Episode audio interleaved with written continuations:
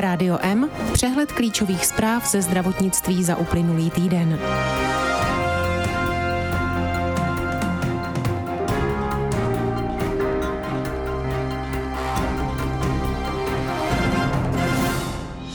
Ministerstvo náhle ukončilo spolupráci se skupinou MESES. Nový projekt chce předcházet duševním nemocem u dětí a mládeže. Zdravotní výbor schválil novelu zákona o návykových látkách. Z Národního plánu obnovy připadne zdravotnictví kolem 20 miliard korun. Objevuje se šance na léčbu achondropolázie. Zdravotní výbor definitivně posvětil novelu zákona 48. Článek v The Lancet upozorňuje na nesrovnalosti kolem třetí fáze testu Sputniku V.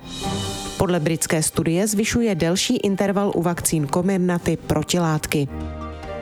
Rádio M z Českého zdravotnictví. Ministerstvo zdravotnictví ukončilo spolupráci s mezioborovou skupinou pro epidemické situace MESES. Důvodem je podle úřadu příznivý vývoj epidemie a zrychlující se tempo očkování. Agendu bude mít nyní na starosti klinická skupina pro COVID.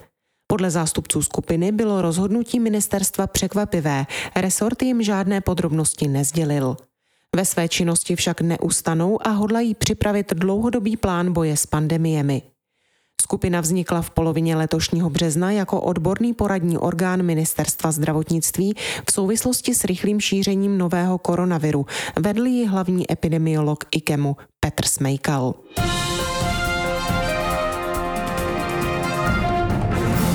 Na první lékařské fakultě Univerzity Karlovy a ve Všeobecné fakultní nemocnici v Praze vzniká nový projekt zaměřený na předcházení rizikového chování dětí a mládeže.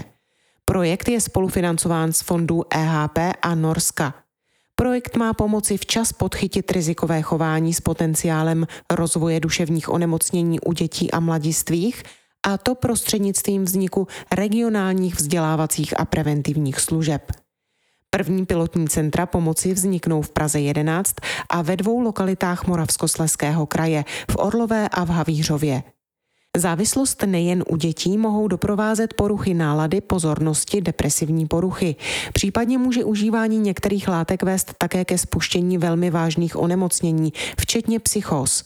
Například s užíváním marihuany souvisí riziko rozvoje depresivních poruch.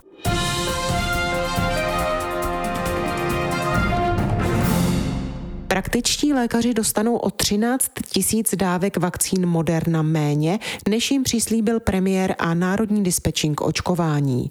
Do ordinací poputuje pouze 37 tisíc na místo původních 50 tisíc přislíbených dávek. Chybu v číslech podle praktiků udělal právě Národní dispečink očkování a Modernu tak dostane jen 188 ordinací. Dalších 384 ordinací dostane vakcínu Janssen. Podle předsedy Združení praktických lékařů Petra Šonky je tato situace velmi frustrující. Potíže s koordinací očkování a zásobováním praktiků vakcínami dlouhodobě dopadá jak na lékaře, tak na jejich pacienty. Ochota se očkovat klesá a to bohužel i u rizikových pacientů. Praktičtí lékaři za 12 týdnů aplikovali 485 tisíc dávek vakcín, což je množství, které by zvládli za týdny dva. Jak doplňuje Šonga, stát vůbec nevyužil kapacitu praktiků.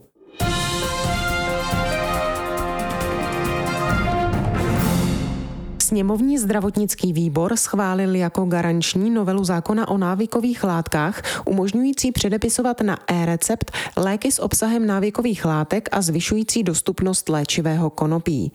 V jeho rámci poslanci výboru odsouhlasili také zvýšení maximálního obsahu THC v konopných mastích či tinkturách, které nespadají do seznamu návykových látek na 1%. Oproti tomu nedoporučili schválení legalizace pěstování malého množství rostlin konopí pro vlastní potřebu či zásilkový prodej léků.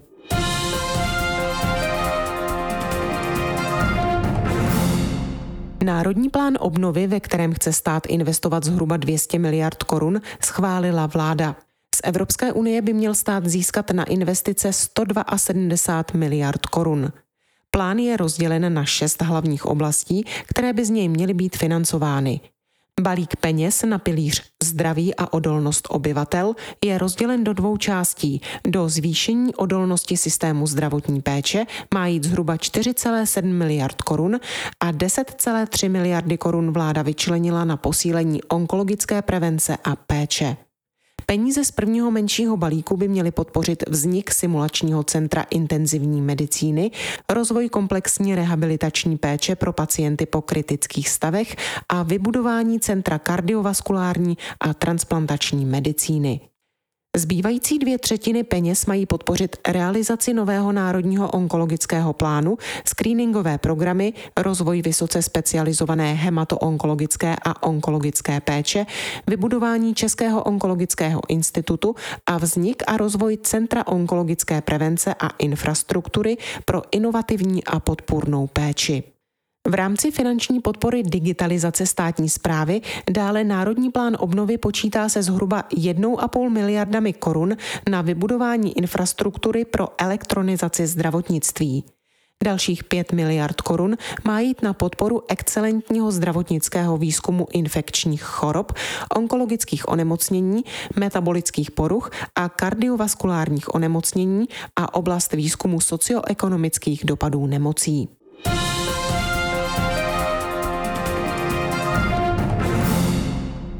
Peníze na sekvenaci vzorků kvůli novým mutacím koronaviru v České republice dostanou jen příspěvkové organizace státu, tedy zařízení Ministerstva zdravotnictví, zemědělství a Akademie věd České republiky. Ministr zdravotnictví Petr Arenberger po jednání vlády řekl, že by bylo problematické peníze z rozpočtu přidělit soukromým laboratořím nebo vysokým školám. Dlouho by na ně čekali. Na sekvenaci asi 4 tisíc vzorků měsíčně po dobu jednoho roku je vyhrazeno 161 milionů korun.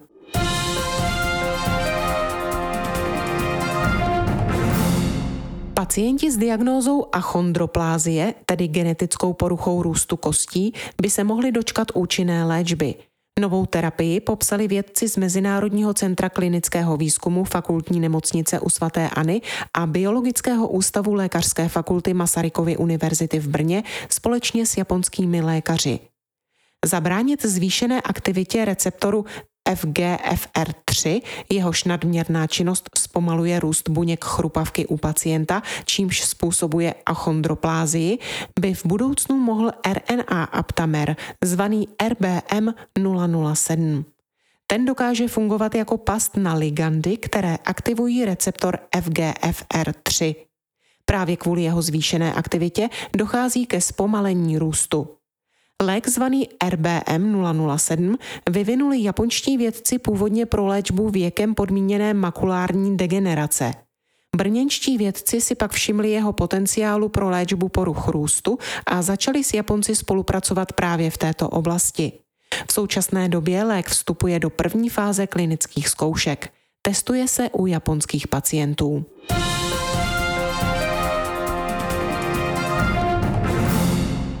Sněmovní zdravotnický výbor jako garanční schválil novelu zákona 48 o veřejném zdravotním pojištění.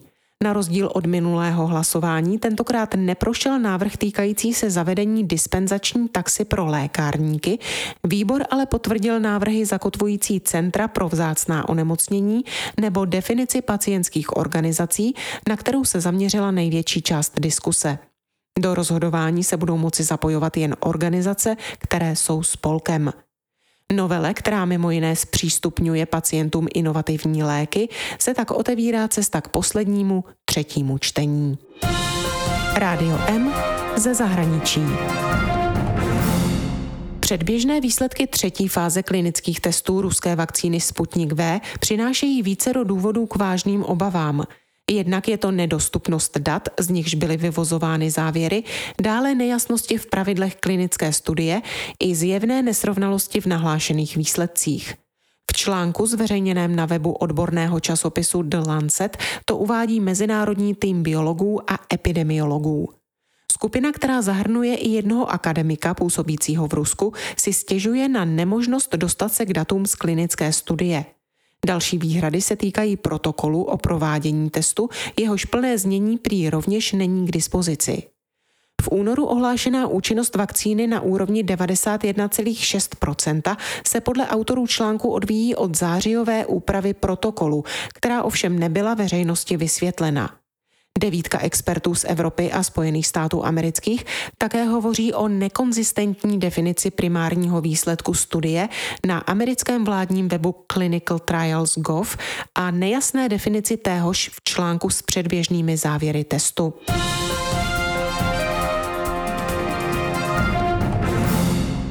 Prodloužení intervalu mezi první a druhou dávkou vakcíny Comirnaty ze 3 na 12 týdnů zvyšuje 3,5 krát produkci protilátek u očkovaných ve vyšším věku. Uvedla to agentura Reuters s odkazem na aktuální výsledky britské studie. Studie britských expertů je první, která přímo porovnala imunitní reakce na vakcínu Comirnaty výrobců Pfizer a BioNTech při tří týdenním intervalu z klinických testů a prodlouženém 12-týdenním intervalu. Ten doporučili britské úřady kvůli tomu, aby co nejvíce lidí v riziku těžkého průběhu COVID-19 dostalo rychle alespoň nějakou ochranu. Protilátky ale tvoří jen část imunitního systému – Očkovací látky vytvářejí také T lymfocyty, které jsou podstatou získané buněčné imunity. Vrchol reakcí těchto T buněk však výsledky studie potvrzují více u skupiny očkovaných v tří týdenním intervalu mezi dávkami. Autoři studie proto upozorňují, že nelze jednoznačně vyvozovat závěry o míře ochrany jednotlivců podle toho, kolik času uplynulo mezi první a druhou očkovací dávkou. Tolik zprávy uplynulého týdne, které připravila Marcela Alfeldy Šperkrová. Naslyšenou příští pondělí se od mikrofonu těší Marcela Žižková.